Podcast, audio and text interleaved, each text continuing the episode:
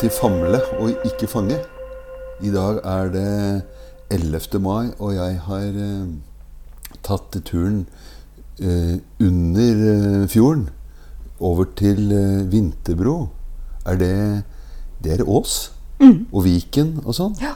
Jeg føler meg at jeg ikke er så langt hjemmefra eh, eh, fra Sigrud. Det er ikke lange biten. Men jeg har fått en fått den gleden av å besøke Anita Ulvan. Eh, vi, vi to ble, ble jo kjent når vi var studenter. For eh, en par-tre, et eller annet, fire kanskje år siden. Og jeg vet ikke hvor, hvor godt du um, har fulgt med på, på det, at jeg har begynt med denne podkasten, men det har nok et ganske eh, kraftig utspring fra det som vi gikk og studerte på og leste om, og det, med dialogen. Sånn at eh, eh, Anne Hedvig, som var eh, liksom skolelærer, eller hva det heter for noe da, hun har jeg jo hatt med en gang. Men eh, jeg har liksom kjent på at det har vært fint å få litt mer, mer fra kilden, da. Eh, så det, det var litt eller først, jeg skal si velkommen, er det ikke det? Velkommen, Anita. Takk. Eh, og så må jeg jo eh, si, røpe, røpe litt hvorfor det ble akkurat nå. Eh, eh, og det var jo Jeg er ikke så veldig god på, på Facebook, hvis det er det det heter. Eh, men jeg, innimellom så, så er det et eller annet jeg skal gjøre der, eller jeg skal eh, Og da oppdaga jeg deg helt, helt ytterst på telefon. Okay. Du satt på eh, en sånn fjellskrem. Ja, Kolsestoppen. Mm. Kolsestoppen, ja. Ja. Eh, og så var det ja, en som hadde filmet deg, Ja. litt sånn fra undersiden, og du satt og ser utover. Og så var det, var det dikt, eller en tekst, Ja. som jeg forsto du hadde skrevet sjøl. Og da var det ikke så lett å På Facebook så er jeg sånn «Øh, Jeg skal bare gjøre det jeg skal gjøre. For så blir man liksom opphengt så mye i ja. Men det klarte liksom ikke å gå vekk fra den. Jeg ble veldig berørt av det òg. Hyggelig. Det er eh, eh, Hva skal jeg si? Det er vel meninga, det. Ja, det er meningen. Ja, det var meninga. Jeg, altså, jeg fikk den snutten eh, Jeg var på tur, og så traff jeg noen som som jeg ikke kjente, eh, som også var med på den turen. Og de jeg var med, ville at jeg skulle lese eh, For i den prosessen jeg har vært, så har jeg skrevet noen dikt. Jeg har skrevet flere. Men jeg har skrevet Dette diktet var jo min prosess, eh, i og med at jeg fikk eh, kreft i fjor. Og vært eh, på to steder, så jeg har vært gjennom en veldig veldig tøff eh, behandling. Som jeg nesten ikke overlevde. Eh, men så, så i vinter så begynte jeg å skrive. Eh, og den teksten her bare kom. Eh, Og så oppå Kolsåstoppen der, med en veldig fantastisk dag med sol, og, og eh, kanskje den første sola i år, eh, så ville de andre at jeg skulle lese tekster som jeg hadde skrevet, og spesielt denne. Hva, eh, si, til- hva, hva gjorde du på Kolstadstoppen? Det er ikke hver dag man er der? Nei, det er det ikke. Og jeg visste ikke om jeg klarte å komme opp der heller. Eh, jeg er jo veldig glad i å gå i naturen. Mm. Og det har blitt min redning, egentlig, i forhold til eh, eh, rekreasjon, rehabilitering for meg. Mm. Eh, og når noen venner av meg skulle opp på Kolsåstoppen, jeg har ikke vært der siden jeg var barn, så, så sa jeg kan jeg få bli med. Mm. Eh, men jeg vet ikke om jeg kommer opp. Mm. Men det gjorde jeg, så jeg var jo ganske lyrisk allerede når jeg var der og Ja. kom opp på toppen. Så den fantastiske utsikten, ikke sant. For du ser jo eh, ja, eh, ned til eh, Drøbak og til Grorud og ja, overalt, egentlig. Eh, så de spør om eh, kan ikke du lese det diktet du skrev, og så gjorde jeg det. Og hun ene som var med der, hun ble så berørt, eh, og jeg så tårene komme. Eh, og så sier hun, vet du hva, dette her har jeg lyst til å lage en filmsnutt, og jeg har lyst til å sette musikk til. Mm. Eh, og så eh, Det syns jeg var eh, Jeg tenkte ja, ja. Dette var jo ungdommer, ikke sant? Så jeg tenkte ja, ja, vær så god. Ja, ja. Så de, ja, kan du lese inn og så sende inn til oss, og så eh, filmer vi og legger musikk til. Ok. Så en morgen så var det her i innboksen min. Mm. Og da, da begynte jeg å grine faktisk sjøl. Mm, mm. For jeg, jeg ble veldig berørt av eh, hva de hadde lagd og investert tid og, og kraft i. Mm. Og syntes det ble veldig fint sjøl. Mm. Og så tenkte jeg den, den legger jeg ut. Mm. Eh, Den syns jeg var så fin, så den legger jeg ut på Face. Og det er jo en type oppdatering, fordi at når jeg fikk kreft Mm. Mm. Jeg må drive og drikke, fordi de har jo svidd av spyttkjertlene mine. Så jeg har ikke noe spyttkjertler. Unnskyld. Men eh, Så da la jeg ut. Jeg tenkte ok, nå har jeg eh, Jeg vil gjerne være åpen om det, så jeg lagde en Instagram-konto også.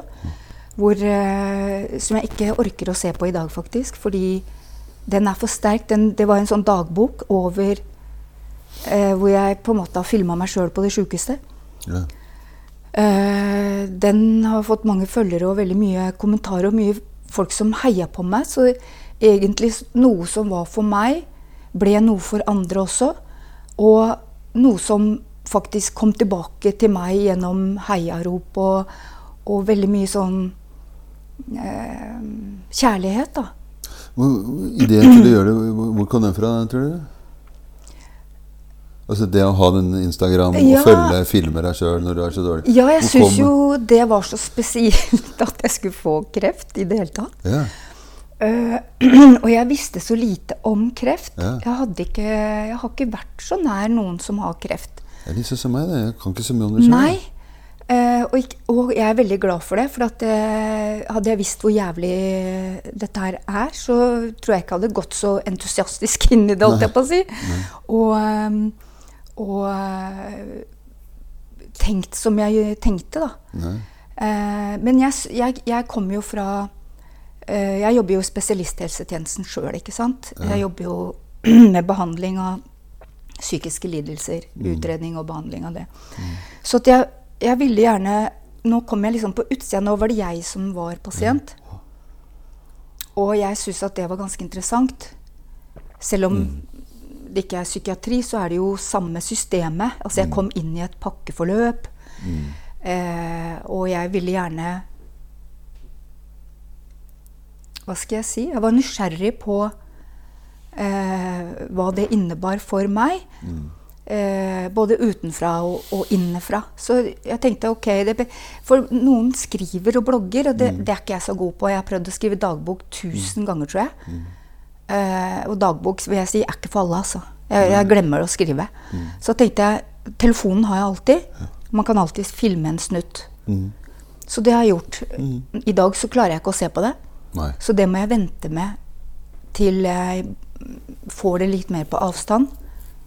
Eh, Men, eh, ja, hva, hva, hva er det med det som gjør at du ikke orker å se på det? fordi det er veldig tøft. Det Ja, er en du, tøff eh, du, du kommer litt tilbake der du var, liksom? Det er som å minne ja, seg det er nesten et traume, faktisk. altså.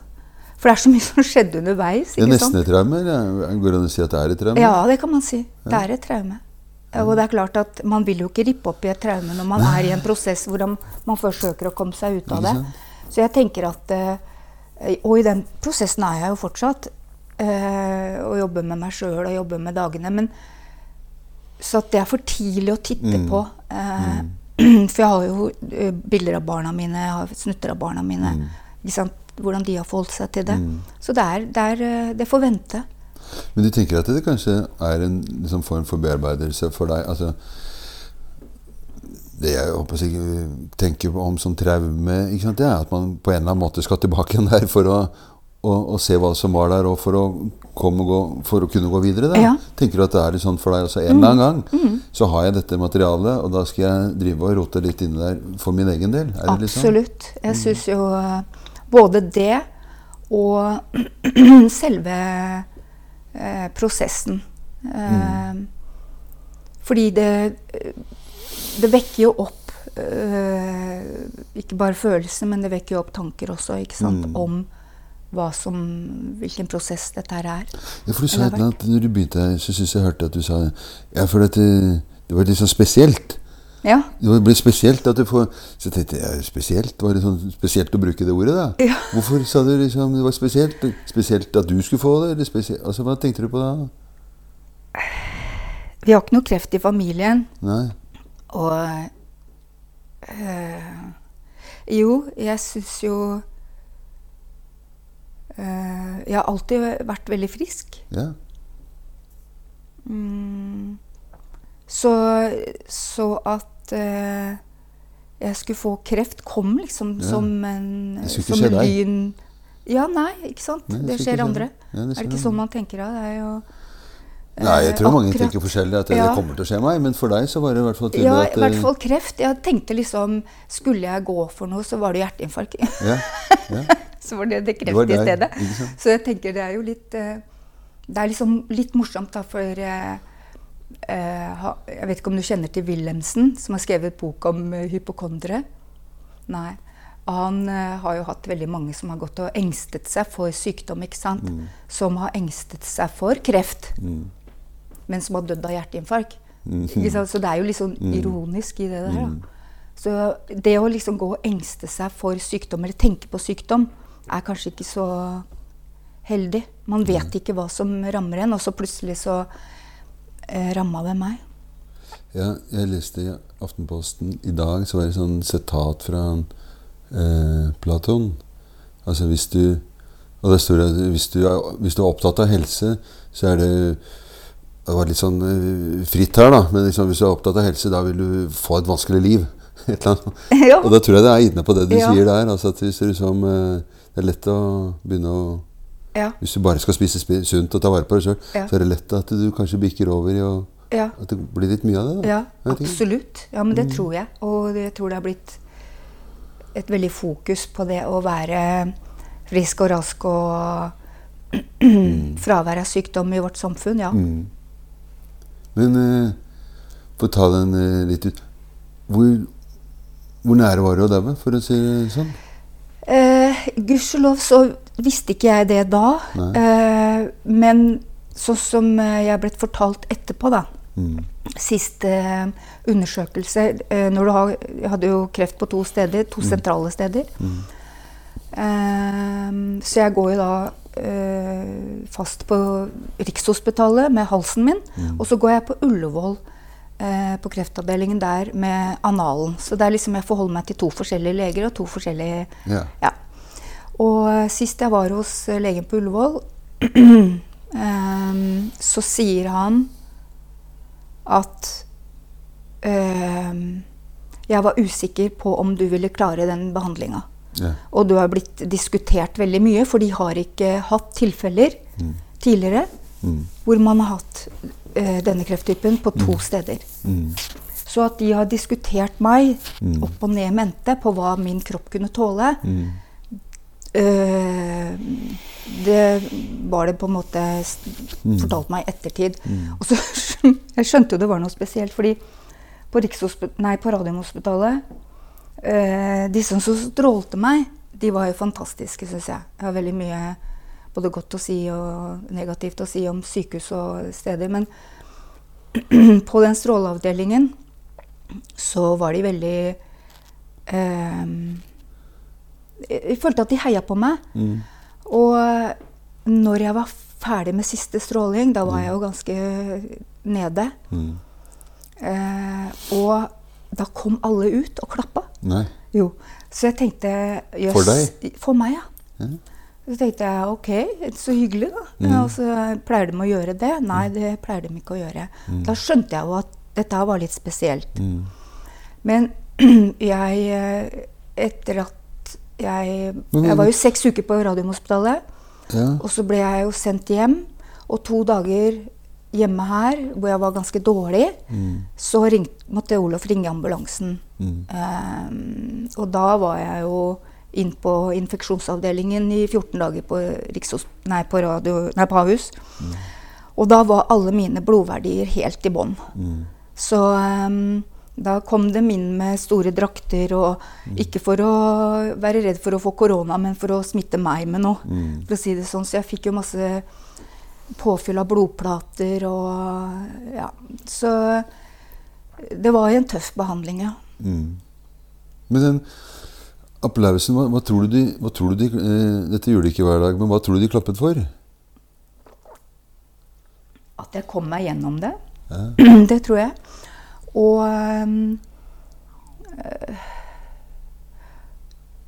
Jeg tror de klappa litt for meg også, øh, fordi at øh, vi, vi, Man får jo en relasjon. Det går begge veier.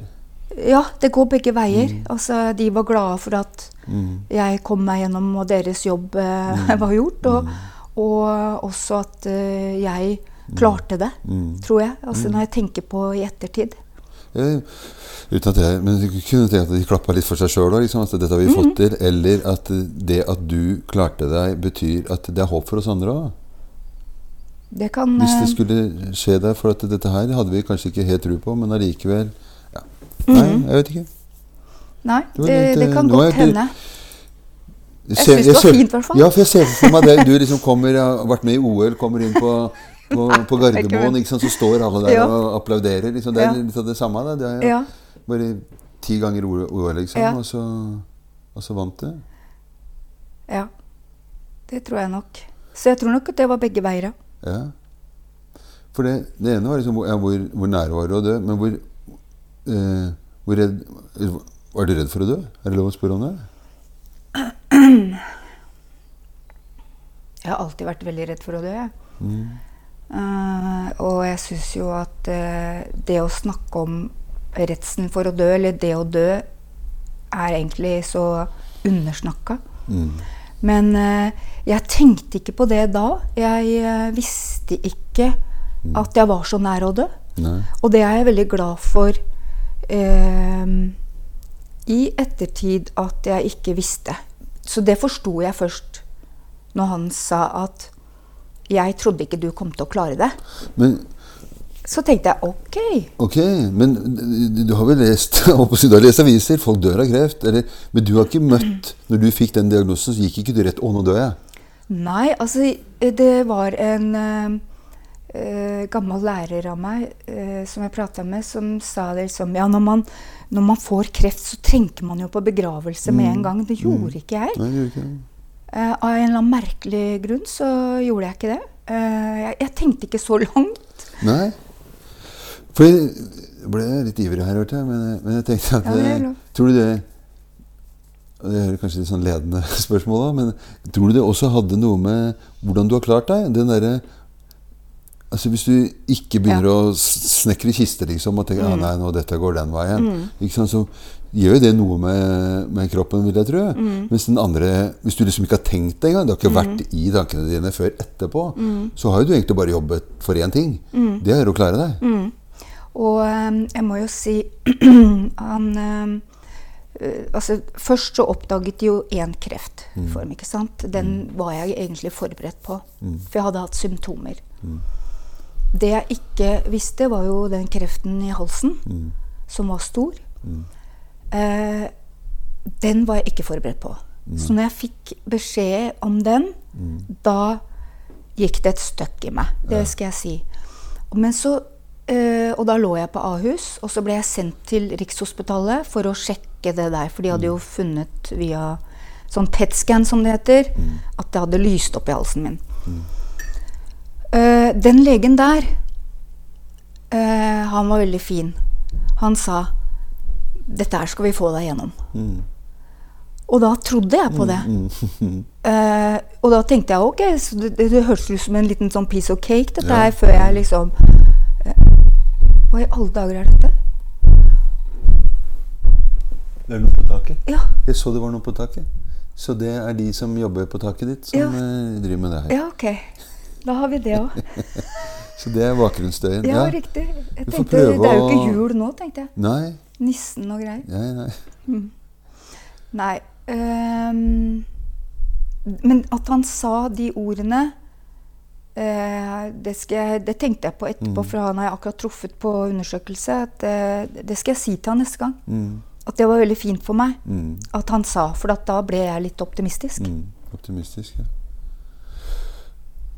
Ja, for det er jo mange leger som gjør motsatt. Og nå må jeg, må jeg være realist med deg. Du får tre til seks et eller annet, om det er uker eller måneder eller år. Og da ville jeg tenkt at da gjør han akkurat det motsatte. Da ville jo jeg også Da skrur jeg av. Da skrur jeg av. Det er fint å, å prøve å, å bli fra tre til seks. Jeg prøver på det med seks, men jeg kan ikke tro noe lenger, liksom. Sånn at det liksom går litt sånn i dvale, da. Men det Ja, jeg er veldig glad for at sier jeg ikke fikk den beskjeden, for å si det sånn. Ja. Men det var litt sånn kaotisk i starten, dette her. Fordi i og med at det var veldig mye forskjellige sykehus involvert, så var det i Som jeg opplevde ikke prata med hverandre, da. ja. Så jeg følte at eh, de ene var veldig opptatt av halsen min, og den andre var opptatt av rumpa mi. Mm. Um, Hals og rumpe, det blanda man ikke. Nei, det gjør man tydeligvis ikke. Man har det ikke på samme sykehus engang. Nei, for Jeg hadde lyst til å tøyse litt med det i stad, men Ja. du, når du Huet og opp ræva, ja. Hva sa du? Ja, det var liksom kreft i huet og ræva. Ja, og ja, ikke sant? Og at de to ikke Nei, det kan vi ikke blande sammen. Er ikke det et veldig paradoks? Jo. Og det har vært et problem. Ja, men problem altså, Når jeg først er her og har kreft, gidder å gå både opp og ned? Eller, Ja. eller må jeg liksom Ja. reise opp dit? Men nei, nei det gjør vi ikke her. Nei, Nei. sånn anusgreier, det, det gjør vi der nede. Det. Ja. Og det syns jeg er jo typisk for det som eh, jeg oppdaget på denne ferden her, og som jeg selvfølgelig har hatt eh, noe kunnskap om i forhold til eh, innføring av pakkeløpet hvor jeg sjøl jobber, at man blir så Man blir kanskje for fort enspora. Du- du- Og du- man blir så si- spesialist på Ja, for det, når du snakker om pakkeløp, det, det veit ikke jeg hva for noe. ut. Pakkeløpet. pakkeforløp. Ja. Altså det er jo prosedyrer for eh, alt, alt er på en måte lagt opp fra Fastlegen skal gjøre sånn og sånn når man oppdager Eller mm. man skal utredes eller oppdager en sykdom. Sånn. Og så er neste steg der, og så er neste steg Det der, og så må man gjøre det sånn, og så må man gjøre sånn. Så man går eh, Man fyker rundt omkring, eh, i hvert fall i somatikken, til forskjellige punkter. Eh, og man eh, Og det går jævlig fort. Eh, noen ganger syns jeg det gikk for fort. Eh, hvor ble det av meg i den prosessen? Du ble en ting, liksom. En. Eh, Jeg ble en ting, ja. Og jeg ble en hals, jeg ble en rumpe. Og, og når de legene ikke prata med hverandre Eller det, det gjorde dem jo, men det visste jo ikke jeg. For det var et team bak som snakket med hverandre. Men de som på en måte var i direkte kontakt med meg, snakket ikke så veldig mye sammen. Så det ble litt komplisert på en stund.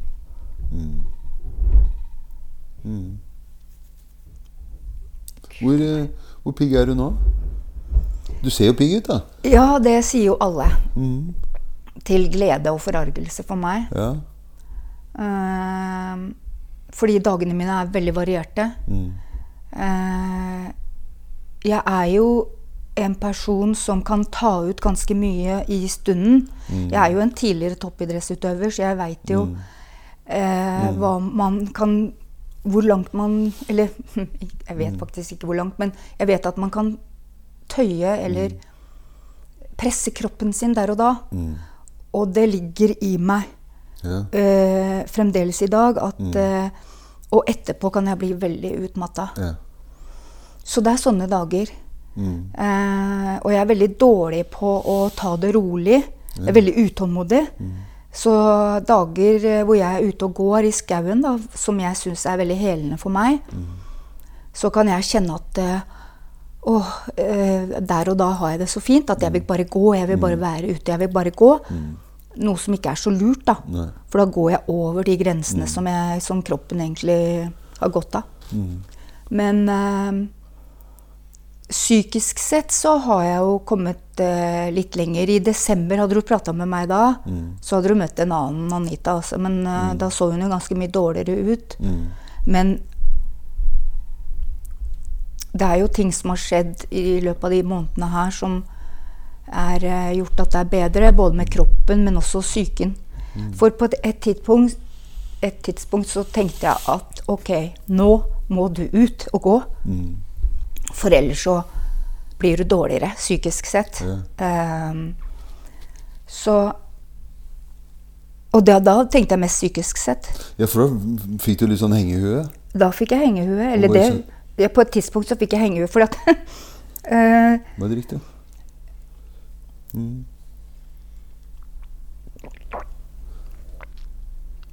I et lite hefte Jeg fikk jo to hefter, ett for halsen og ett for rumpa. Der står det at etter strålebehandling så tar det fire til seks uker eh, før eh, man på en måte er bra. Det skjedde ikke. Og eh, det er klart man går og venter på at de fire til seks ukene er over, for det er jævlig vondt. Og de bivirkningene For det, smerten av behandlingen, ubehaget ved behandlingen, kommer jo faktisk etter behandlingen. Det er da det er verst. Og øh, det ble bare verre og verre. Sånn at jeg ble veldig utålmodig. Altså, det står her fire til seks uker. Nå har det gått over seks uker. Altså, det stemmer ikke. Det er flere måneder. Det er fortsatt i dag. Et år etterpå. Um, og den informasjonen, den dialogen om eh, Den syns jeg har vært veldig dårlig, for de er veldig opptatt av kreften. Egentlig ikke så veldig mye om Personen? Nei, og hvordan eh, Ja, hva slags bivirkninger og, og, og selvfølgelig, det er jo veldig individuelt. Men da syns jeg at man må faktisk uh, møte deg også som et individ. Og det syns jeg ikke at uh, sykehusene er like gode på. Ja, for Det bringer meg litt sånn tilbake til når du sier at, eh, at eh, huet og ræva, da må du på to sykehus. Men vi har jo også liksom lagd et sånt sykehussystem hvor hvis du har eh, fysiske plager, så går du dit, og psykiske plager går du dit. Sånn at du har delt inn veldig der òg. Så man kunne tenkt at det går ikke an å dele Så jeg kjente jo litt på den når, når kan man liksom både se hvordan kreften er, og, men Ja. hvordan har du det? Ja.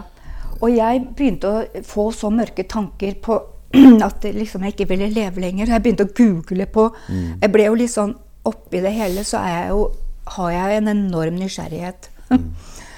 Eh, så jeg begynte å google på kreft og selvmord. Ja. For jeg var liksom, ble litt opptatt av statistikken. Ja. Om den var noe klar på det. Eh, og det står eh, Og det er på en måte også underkommunisert, syns jeg, de tankene. At man kan få så håpløse tanker. Man kan, kan få så fysisk vondt, men også psykisk vondt. At man faktisk ikke har lyst til å leve. Og det jeg fant, da, eh, det var jo at unge mennesker med kreft har en høyere selvmordsstatistikk Mm. enn voksne med, Mm. med, med kreft. Men jeg tror nok at der er det mye mørketall. Mm. Og jeg syns det er rart. For jeg har liksom ikke sett at det er snakka om. Ja. Eh, og jeg, det er kanskje at man skammer seg, fordi jeg tenkte Eller føler skyldfølelse eller et eller annet. Jeg vet ikke. Fordi jeg fikk jo veldig sånn skamfølelse på det, for at jeg skulle jo være glad for at jeg overlevde. Og så var jeg ikke glad. Ikke sant? Så tenkte jeg Hva fader? Og da fikk jeg dårlig samvittighet. Ja. Da skammer jeg meg alle. Her Liksom. sitter du og henger med huet, Ja, som jeg kalte det. Ikke sant? Og brukt masse glad, penger du. på meg. Uh, fikk jo vi til og med vite hva det kosta en Mm. sånn PET-scan. ikke sant? Eh, alle pengene og all arbeid som er gjort til at jeg skal bli Mm. At jeg skal leve. Eh, og så satt jeg der og ville ikke leve Nei. etter en sånn behandling. Mm. ikke sant? Da, og jeg tror at det kan ikke bare være meg som tenker sånn. Eh, selv om det er folk som er veldig opptatt av å leve også. Men jeg er jo kanskje mer enn å leve opptatt av livskvalitet, da. Ja. Eh, og kanskje, så jeg fikk tanke på at jeg kanskje er en litt sånn bortskjemt person. uh, som forlanger for mye, ikke sant. Altså det er Men, men Anita, er det ikke også litt sånn at, at uh, hvis du er opptatt av, av å leve, så går det ikke an å leve uten å også på en eller annen måte stikke en finger i jorda eller være opptatt av å dø? Ikke sant? At de to, Hvis du liksom lever livet ditt som om som død ikke fantes, så er det, er det jo noe litt sånn heseblesende over deg. Men hvis du liksom er innimellom, så må du liksom stikke fingeren i jorda eller et eller annet og kjenne at eh, ja, vi kan jo faktisk det. Eller det er en annen måte å sette mer pris på det å leve videre. Og, og jeg, jeg tror vel at de fleste en eller annen gang eh, gjør et sånt Eller noen, da, eller jeg Jeg for meg sjøl også. Gjør et sånt lite regnskap. Er det verdt dette her? Ja. Skal jeg gå i dette her? Skal jeg stå Ja. i det? Ja, for faen. Men hvis du liksom ikke Ja, for faen. Bare fortsetter. Så, Ja, men jeg, det- det- der har du veldig rett. Og jeg, jeg møter jo mange mennesker i min jobb som har selvmordstanker, til og med kroniske selvmordstanker. At det har blitt en vane, liksom, å få en påminnelse om livet. Så jeg tror du har Ja. veldig rett i det. Og, og selvfølgelig eh, det å gjøre Det å tenke sånn Det å tenke på selvmord, da, eh, vil jo gjøre et regnskap over livet. Ikke sant? Er livet verdt å leve? Nå var jo jeg åpen om mine selvmordstanker, både til Olof, men også til eh, min venninne. Eh, min bestevenninne. eh, Og begge to sa jo det er for tidlig, Anita. Det er for tidlig å vurdere det. Og så tenkte jeg ja, det er kanskje det, for at jeg, er jo ikke, jeg har jo ikke kommet egentlig til det punktet hvor jeg kan vurdere det. Eh, det er jo mye som kan komme på plass. Eh, så jeg tenkte ok. Og så har jeg en erfaring i at det å bevege meg, og spesielt bevege meg i skog og natur, det får meg veldig tilbake til nå, nuet, altså det å leve her og nå. Så jeg på et eller annet tidspunkt i desember-januar så tenkte jeg på mitt verste nå må du ut og gå. Og da klarte jeg ikke å gå så langt, ikke sant? det var jo bare noen hundre meter i januar. Eh, men det gjorde meg godt. Så jeg begynte der å gå lengre og lengre. Og øve på å være til stede. Altså, det vil si Jeg begynte å ta bilder. Eh, for da må jeg stoppe opp. Jeg begynte å se etter ting jeg kunne ta bilder av. Mm. jeg begynte å lukte, høre på eh, det som var i naturen. Og når du gjør det, så er du så utrolig til stede akkurat der og da. Da er du ikke i kreften eller eh, det som har vært, eller på noen måte det som skal komme. Eh, som jeg skrev i det diktet mitt. Så eh, da Og det har hjulpet meg veldig, så jeg tenkte ok, du må ut. Du må ut og gå. Og det, det på en måte redda meg. Men fortsatt i dag så kan jeg sitte og plutselig begynne å grine og synes synd på meg sjøl pga. at livet er som det er. For det kommer aldri til å bli det samme igjen. Og det er mye som mye av mine gleder, det som jeg har satt pris på i livet, som ikke kommer tilbake. Ehm, og noen ganger så blir det vanskelig å tenke på og ta inn over seg. Andre ganger så kan man tenke ja, men herregud, Anita, du, er- du er 60 år i, dag, i år. Du, du har levd et ganske heftig bra liv. Altså, det er mange um, unge mennesker som får disse vanskene. Altså, det er jo sette ting i litt perspektiv, da. Også.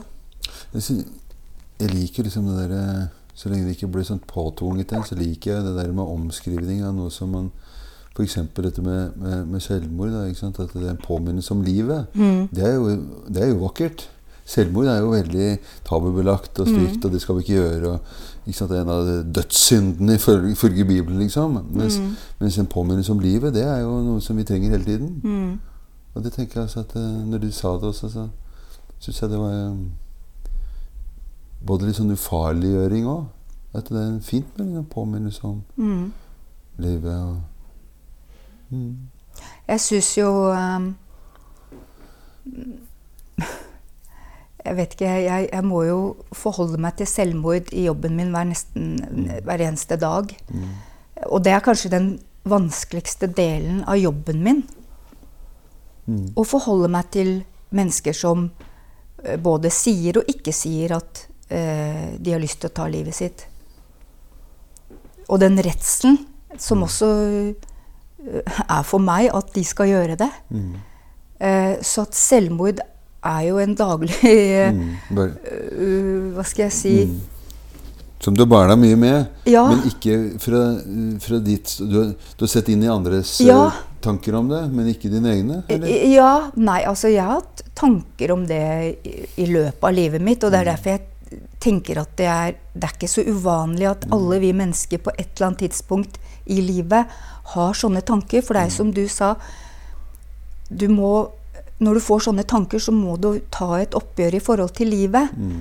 Og, og noen, tenker jeg, eh, gjennom å tenke det, får en på, påminnelse om at livet også er verdt å leve. Og ikke trenger å bli så redd for de tankene. For man blir jo ofte redd når man får sånne tanker. At man skal gjøre det, at man ikke skal ha kontroll til å stoppe det eller til å hindre det. Ja, ja, ja. Eh, det har jeg ikke følt. Nei. Altså jeg har følt liksom at det er en, i så fall en nøye Mm. vurdering Mm. som man eh, gjør. Ja, jeg håper jo at uh, det er sånn. Mm. Selvfølgelig, noen kan jo plutselig få en sikkert en uh, idé om at nå, nå gjør jeg det. Nå gidder jeg ikke mer. Er det. Men uh, så vidt jeg husker, så har du to jenter? To døtre? Tre. Tre døtre. Ja. Tre døtre, stemmer det. Og hvordan, hvordan eh, Jeg sier litt om det. Åssen er det å ha åssen er det å ha tre jenter? Det er én ting. Men liksom, hvordan er det å ha det i en sånn hvor du kanskje blir sårbar, eller de må være hvordan, Har du vært åpen med dem? Har de, Ja. Hvordan har de taklet det? Altså, hvordan har det Ja. vært? det? Um, jeg satt og hørte på faktisk eh, din podkast Nå husker jeg ikke hva han heter. Ove? Ja, heter han eh, Andreas? Ja, Ja. Andreas. Og så tenkte jeg for, eh, Han har gjort det veldig annerledes enn meg. Mm. Men vi har hatt mye like tanker. Mm. Jeg var åpen. Jeg tenkte dette her skal jeg være så transparent med. Fordi jeg har erfaring med at når man tier, Mm. Så eh, vil de rundt Mm. lage sine egne ideer og fantasier om hva som gjelder. Mm. Jeg er veldig for åpenhet. Mm. Ehm, og eh, jeg spurte barna mine også om det. Eh, jeg spurte om eh, Instagrammen også, og de sa ja, mamma gjør det. For jeg, jeg sa jeg kommer til å være blodig åpen. Mm. Ja, men det er bra. Vi vil det. For da slipper vi å lure. Sant? Og det vet jeg jo at folk lurer. Når man ikke vet, så lurer vi. Og de med veldig mye fantasi, de kan dra den langt. Det vet jeg også. Og um, i forhold til foreldre som eh, ja, nei, barna merker ikke det, eller jeg, jeg tror ikke vi skal si noe om det, for da blir de urolige. Jeg sier tvert imot. Det er da de blir urolige. For barn er ofte mye mer sensitive og klokere og har en bedre nese enn eh, oss voksne. Eh, så det var jo selvfølgelig tøft for dem, men jeg tror at det hadde vært tøffere om jeg hadde holdt kjeft om hvordan jeg hadde det, og, og selv mine tanker. Men tror du, at det, tror du det har brakt dere nærmere på noen måte? Ja, absolutt. Absolutt. Nå var vi jo Jeg har vært kun med jentene mine fordi at eh, eh, Jeg har jo blitt holdt på å si, jeg ble skilt tidlig. Eh, jeg var jo gravid med siste eh, når jeg skilte meg. Så, og det har vært veldig lite samvær, så jeg har hatt disse her eh, veldig mye for meg sjøl. Så vi har vært tette, men selvfølgelig ja. Og eh, vi har vært en sånn liten eh, kvinnemafia, eh, nesten. Mm. Eh, hvor vi har hatt det veldig mye gøy. Vi har reist sammen, og vi reiser fremdeles sammen. Eh, og gjort Vi gjør mye ting sammen. Eh, og de beste stundene i mitt liv, og hvor jeg ler mest i mitt liv, er sammen med dem. Mm. Så vi er veldig tette. Men det er klart, en sånn hendelse er jo klart at det bringer et hakk nærmere Mm. i det å sette pris på at man kanskje ikke er til stede hele livet, da. Mm. Var det noen av de som håper å si, takla det verre enn andre? Eller som, ikke, som, som syns, ja. kanskje ikke klarte å forholde seg til det? Eller, ja. Ja. eller var de Ja, hvordan Veldig godt spørsmål, syns jeg. Fordi eh, det er jo tre forskjellige individer. Alle tre takla det veldig forskjellig. Eh, og den mellomste, som er har vært på en måte den mammadalten, da, den største mammadalten. De alle tre er jo det. Men hun, hun befant seg i Australia Ja. Og eh, studerer der. ja. Og eh, når hun fikk vite det, så hun knakk fullstendig sammen og ville hjem. Og da sa jeg nei, du har ingenting her å gjøre. Du får beskjed. Du kan ikke hjelpe meg eh, med noe som jeg skal igjennom, og jeg vil at du skal leve ditt liv der. Det tok hun veldig hardt, men jeg så at det var ikke noe poeng for henne å avbryte studier og komme hjem her. Det ville jeg ikke. Det ville bli en belastning for meg, Ja. faktisk. Mm. Eh, hun måtte gå Hun tok jo kontakt med psykolog. Mm. Eh, og fikk hjelp, faktisk, for hun var eh, Og det er klart, på så lang avstand så var det jo tøft. Eh, hun eldste hun var veldig sånn Nei, dette kjenner jeg på meg Det skal bli bra. Dette kommer til å gå bra. Og så var veldig sånn på Tok ikke helt inn. Nei, tok ikke inn. Og så er det Sara eh, som lever med meg. Mm. Eh, som har kjørt meg til undersøkelser. Mm. Som har sett meg her. Mm. Eh, har det nok vært tøffest for. Og hun gikk jo siste året på videregående. Og eh, det ble jo en Hva skal jeg si? Kanskje en tøff avslutning for henne på videregående. Ja. Mm.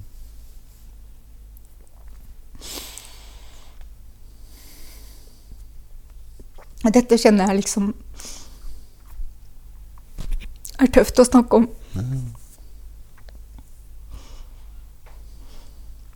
Men eh, ja, Hvorfor sier jeg 'men' nå?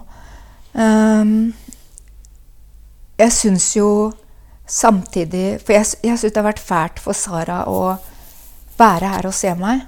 Men samtidig så er det jo hun og jeg som kanskje har kommet eh, nærmere hverandre, da. Mm. Og nærmest eh, i det her.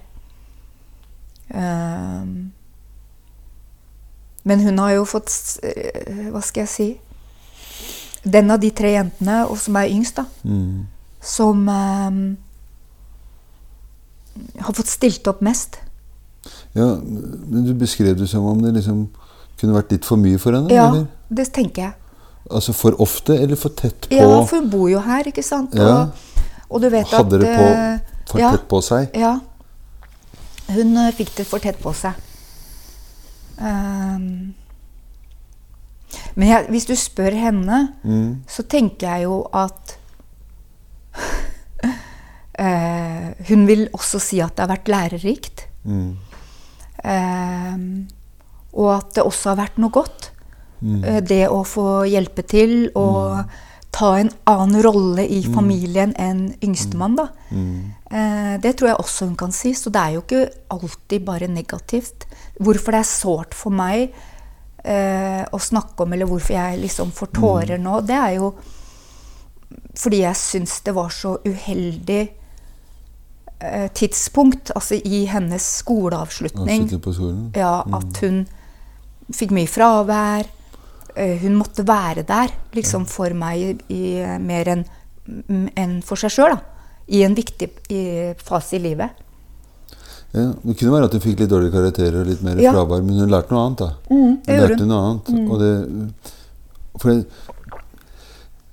det er jo noe med det der med å være Hvis det skjer en ulykke, ikke sant det, mm. og du Skulle man tenke jo nære ulykken Si at en bilulykke, da. ikke sant? Altså Hvis du er i bilen nummer to og kan være der og gjøre og dirigere trafikken og dra Ja. de ut, så kan det være um, si, blodig alvor. Men hvis du liksom står tre fire biler bak, og du kjenner de i bilen, men politiet stopper «Nei, Ingen går nærmere nå. Så tror jeg den der opplevelsen av å Litt sånn som kanskje hun i Australia får den følelsen at det, nå skjer det masse med meg her. Eh, jeg, jeg får til og med beskjed om 'hold deg unna', for her har du ikke noe å gjøre. Ikke sant, den der, Å ikke kunne gjøre noe, altså det er et annet perspektiv som, som denne yngste, da, Sara, har fått lov til å, å dele i. da. Ja, en fin metafor, syns jeg. Absolutt. Jeg tror du har rett der. Um, men uh, det er kostnad, selvfølgelig. Ja. Men man må nesten, uh, for å få hele bildet, spurt henne. Ja, for det lurer på, men Ja. Du sa jo noe om hva du, hun ville kanskje ha svart. Liksom, hvis hun hadde hvis han fått beskjed, spørsmål om har du lyst til å stille opp eller ikke, tror du han hadde sagt det hadde vært godt å få slippe? Ja, han vet ikke. Nei, jeg vet ikke. Men uh, Er det krevende for å tenke at du skulle spurt det? Eller er det noe som hindrer deg i å spørre det? Nei, absolutt ikke. Uh, og eh, altså, jeg har jo spurt underveis, men jeg Mm. tror at uh, vi må ha Og da eh, har det vært et mer pragmatisk svar, syns jeg. Mm. Og det er klart at selvfølgelig, fordi at eh, i en sånn uh, traumesituasjon, da, Mm. uh, så blir det for emosjonelt nært. Mm. Så jeg tror også, i forhold til at jeg ikke orker å se på det, Nei. mine bilder og mine filmer fra, så tror jeg at det, det blir en samtale vi, som blir ærligere, Mm. eller kanskje bedre, eh, senere. Når det har gått litt tid, Mm. du er for tett på. Mm. Du ville ikke fått et ærlig svar fra henne heller enda? Nei, Kanskje. for jeg tror at eh, det er for Mm. tøft å tenke på og ta inn over seg. Mm. At det skal gå litt tid. Mm. Så Så det er ikke noe problem å, å spørre og snakke om. Nei. Det, jeg har jo en sånn holdning. Og, men det er klart at jeg, med en sånn holdning så um, kan man jo bli litt for mye psykolog eller for mye terapeut, da. Ja, ja, ja. Også for barna. ja, ja. At de liksom blir lei av å snakke om følelser og snakke om eh, Mm. Mm. vanskelige ting, da. Ja. Får du den, liksom? Ja, nå Ja. kommer terapeuten, Ja, eh, mamma. ja. Nå kan du legge bort, legge bort du. Ja, Mm. absolutt. Det er en sånn yrkesskade, vet du. Mm. Man får etter hvert. Ja. Så For dette Jeg, jeg, te- jeg, jeg tenk, satt ekte og tenkte på det nå. At, eh, at når jeg hørte det, det på den teksten som du leste opp, og så kontakta jeg deg mm. eh, Først liksom for at jeg, jeg syntes det var fin, og så gikk det jo bare noen sekunder for at faen, vi må jo lage denne podkasten. Og da tror jeg jeg formulerte samme spørsmål, men jeg var liksom helt sikker på at du skulle si ja. Ja, hvorfor var det det? Ja, hvorfor var jeg det? Hvorfor? Og det, jeg kan jo prøve å svare på det, men jeg, ikke sant, vi har studert litt. Og, eh, altså Vi hadde et år der sammen hvor vi gikk i noen grupper. Og jeg, jeg, jeg tenker jo på deg som en som eh, i liten grad eh, håper jeg håper si, driver med hemmeligheter, eller skal dekke over, eller prøve å være bedre enn du er. Jeg hvis jeg skulle tatt noe på en sånn skala, så ville du heller snakke deg ned enn opp, eller Ja. Men, men jeg, egentlig hadde jeg lyst til å spørre deg hvorfor sa du ja? Ja. Tror du? Nei, jeg tror det er samme grunn som eh, ehm, jeg eh, startet det Instagrammen min. Mm. Det at det kan være eh, Først så tenkte jeg eh, har det noe nytte? Mm. Eh, for jeg liker jo at ting skal være nyttig nytte. også. Eh, har det er, det, er det interessant? Så tenkte jeg jo, men det er det jo. Eh, det er det jo uansett. Og det, og det er fint å treffe deg igjen. Og det, det, er, eh, det kan være nyttig å prate om. Og så tenkte jeg hm, er det litt for tidlig å prate om? Nei, kjør på. Altså, eh, det får komme det som kommer. Og det er jo kanskje den nysgjerrigheten min igjen da, som gjorde at jeg eh, ja, det ble gøy. Og så syns jeg jo Jeg har jo sett podcast, eller hørt podkastene og sett de som har vært med. Syns det var et veldig godt selskap å være i, da. Ja, det er jeg- viktig selskap. Ja, jeg, Ja, jeg så- følte meg jo litt sånn beæret av å også være, få lov til å være en av de. Ja. Mm. Jeg syns det er gøy. Jeg syns det er veldig ehm, En fin måte å eh, skape, noe, skape en dialog på. Altså Mm. disse podkastene, Nå er ikke jeg så bevandra i det, men, men jeg syns det er fint at det ligger eh, ting der ute som kan være interessant å, å høre på, eller Mm. Og det å få lov å være en del av det, er jo også ja, kjempeflott, da. Mm. Det er sånn tenker jeg litt at jeg er så litt heldig å få lov til å være del av det. Men jeg hadde, hadde For at vi har jo snakka om jentene. Du har en eh, Olaf som er mannen din. Eh, så, så ble jeg litt sånn der Farian, ass. For at han var jo her Eller han er jo her nå. Eller han sitter ved siden her, eller i rommet ved siden av. ikke sant? Og så hadde vi hatt litt bedre, eller mer utstyr. Ja. Så skulle han fått lov til å vært med i samtalen. Ja.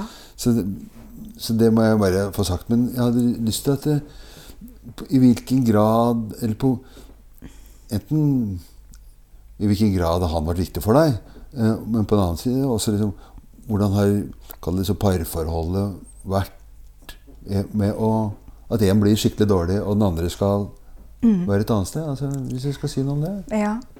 Altså, det øh, Det er jo litt Hva skal jeg si Når vi, når vi hadde kontakt, så var jo situasjonen veldig annerledes. Fordi da var jo Olof eh, sjuk. Og eh, forsvant ut av mitt liv. Eh, noe som var veldig eh, Hva skal jeg si? Det var en stor sorg for meg. Og så Og i to år, yeah. eh, faktisk. Så det er yeah. fire år siden, eller litt over fire år siden vi så hverandre. ja. Så ble Olof syk. Ja. Han bodde i Frankrike og ble syk. Og um, måtte komme hjem. Og kontaktet meg um, for å få hjelp til å komme til sykehus og sånne type ting. Så da fikk vi kontakt igjen. Uh, så han kom tilbake veldig syk. Ja. Så han har vært syk først. ja. Og så eh, Etter et år så blir jeg syk. Og da var det plutselig han som måtte hjelpe meg. ja. Så eh, vi har veldig god erfaring i det å hjelpe hverandre. Men du fikk stabla han nok på beina til å ta vare på ja, deg? det var det jeg gjorde. Og det eh, er jo ingen dårlig investering, det. Det var ikke dårlig Det er jo For Olof skulle jo egentlig tilbake til Frankrike. Ja, Eh, for det var jo slutt mellom oss, ja det var sant? slutt med det. Eh, det, han, han er for syk til å dra dit, og vi har det egentlig fantastisk fint sammen. Altså, vi hører sammen. Vi er på en måte sjelevenner. Uh, Ja. så det var jo ikke gitt Nei. at han skulle være her heller.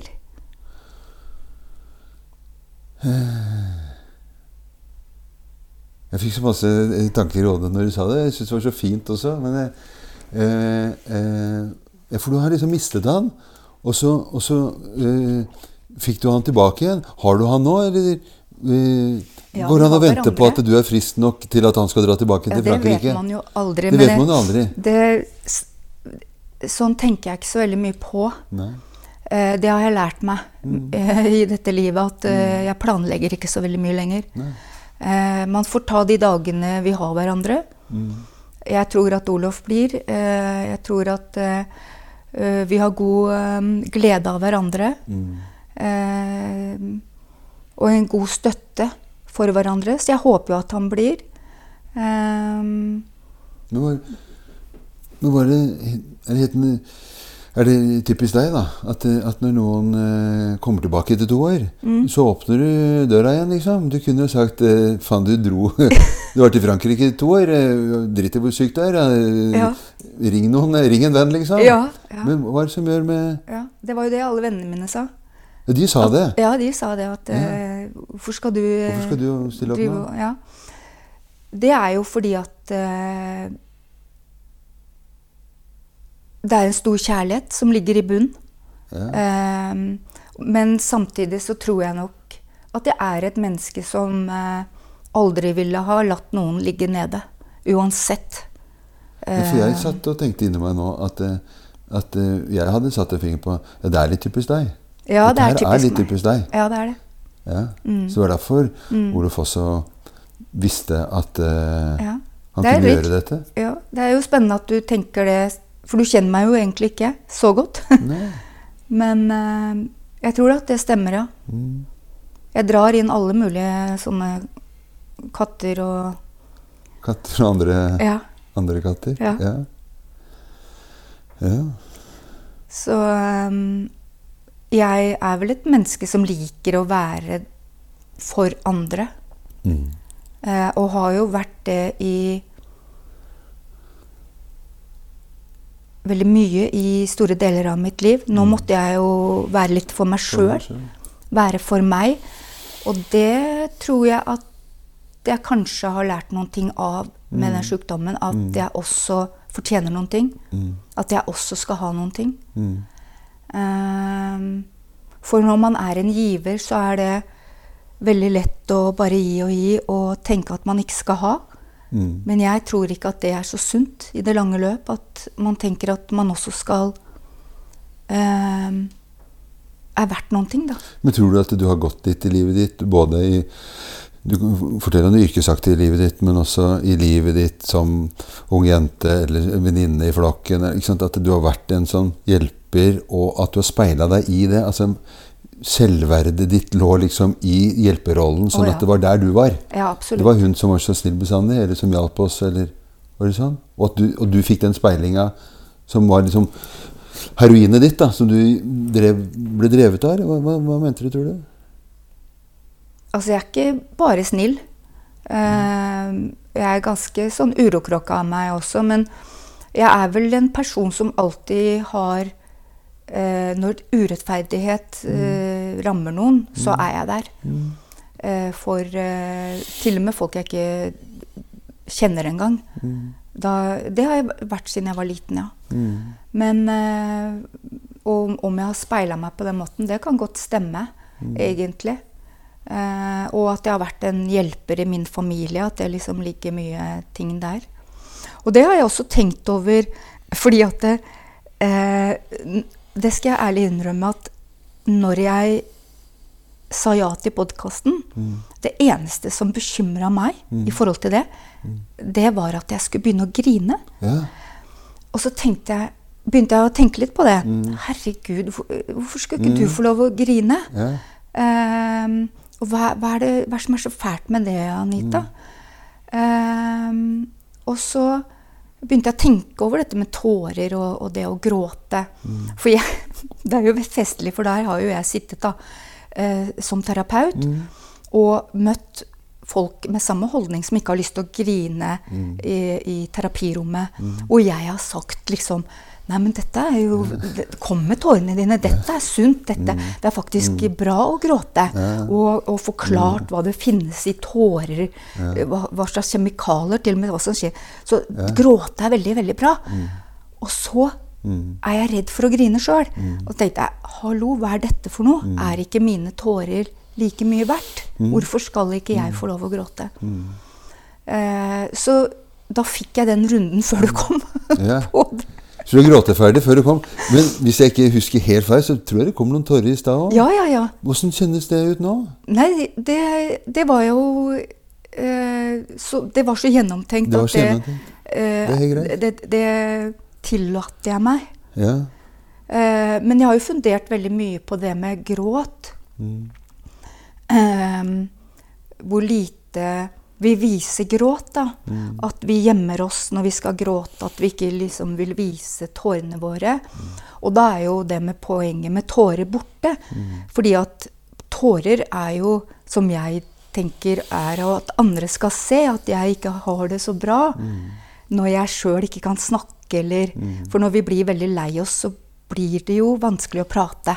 Og da er det jo fint at vi har tårer som kan vise at du, jeg trenger litt støtte her. Eh, så jeg syns det ble så Det, det, det spora meg inn på en sånn veldig god nysgjerrighet på det å gråte, da. Og på tårer. Funksjonen og Og så likte jeg jo det at For man kan jo også tenke at eh, Eller mannen igjen. Altså, jeg fikk jo også den tanken om at det å grå... At noen av disse tårene handler om deg. Og det kan jo være lettere å gråte hvis man ser en film eller ser noen andre eller barna har. Ikke sant? Mens det å gråte sine egne tårer kan være litt sånn mer krevende. For da, som du sier, har, har, har de tårene livets rett, liksom? Har jeg lov til det? Eller, det er jo, og jeg tenker at de, der du beskriver deg som du har vokst opp, så har du vokst opp som en hjelper. Hjelperen gråter jo medfølelsestårer. Ikke for seg sjøl, men for den andre. Mens her er det tårer som også handler om at det, Fuck it, det var, det var nære nippet, liksom. Eller jeg sitter her og ikke er like glad selv om jeg skulle vært glad. Eller hva nå disse tårene skulle handle om, da. Men de kommer fra deg, liksom. mm, det er Fint. Mm. Det, det er veldig rett. Ja. Jeg kjenner meg veldig veldig glad for at jeg var så spontan og eh, kontakta deg. For at jeg eh, jeg synes, Uansett hva andre måtte mene om dette, så syns jeg det var veldig fint å prate med deg. Og jeg har lyst til å, lyst til å høre om du kunne Hvis vi begynner å runde av litt nå, da. Eh, eh, om du Kan du, kan du eh, fortelle det diktet du skrev? Klarer du det i hodet? Har du det liggende Ikke ikke så langt unna? Uh. Og så kan vi tørre paratet litt, og så kan jeg mens hun roter med det, så uh, må jeg takke for alle responsen som jeg har fått uh, fra den forrige podkasten. Og det må jeg bare si igjen uh, setter vi utrolig, utrolig stor pris på. Og det er det som gjør at vi drar land og strand rundt. Og nå er det en som er oppe med PC-en her, ja. og så skal vi runde av med den. Diktet heter I Survived. Og det mm, kom bare til meg. Altså uten noe stor bearbeidelse i, forhold til det å skrive det. Så bare kom det. Alt jeg ikke trenger, alt jeg ikke må. Før var det mer. Jeg hastet av sted, tenkte start og mål. Mest på mål, minst på fred. Alt jeg skulle rekke, alt jeg skulle nå. Nå er det godt å gå, stille og sakte, nyte det medbrakte. Gå meg vill, finne nye stier, en ny vei hjem. Ikke lengre være den som tier, heller den som sier I survived. Stoppe, lytte, se, fornemme. Lukten av jord, skog, salt sjø. For jeg har sluttet å blø. Trenger ikke si adjø. Bare glemme for en stund det som har vært, det som skal komme, det arbeidsomme. Øve på nuet, klemme et tre. Ikke lenger kuet, ikke lenger truet. I survived. Så mye jeg ikke så, så mye jeg ikke tenkte, kun død. Kjente bare nød. Bare glemte alt som var mulig. For ingenting stemte. Alt jeg ikke skjønte. Så mye mer å se og høre, føle og forstå. Himmelen kan vente. Jeg har så mye mer å hente med alle mine kjære og kjente. I survived. Tusen, tusen hjertelig takk, Anita. Takk for at jeg fikk være med. Syns det her var gøy. Jeg sier bare takk for i dag, og så får du sett på musikken din.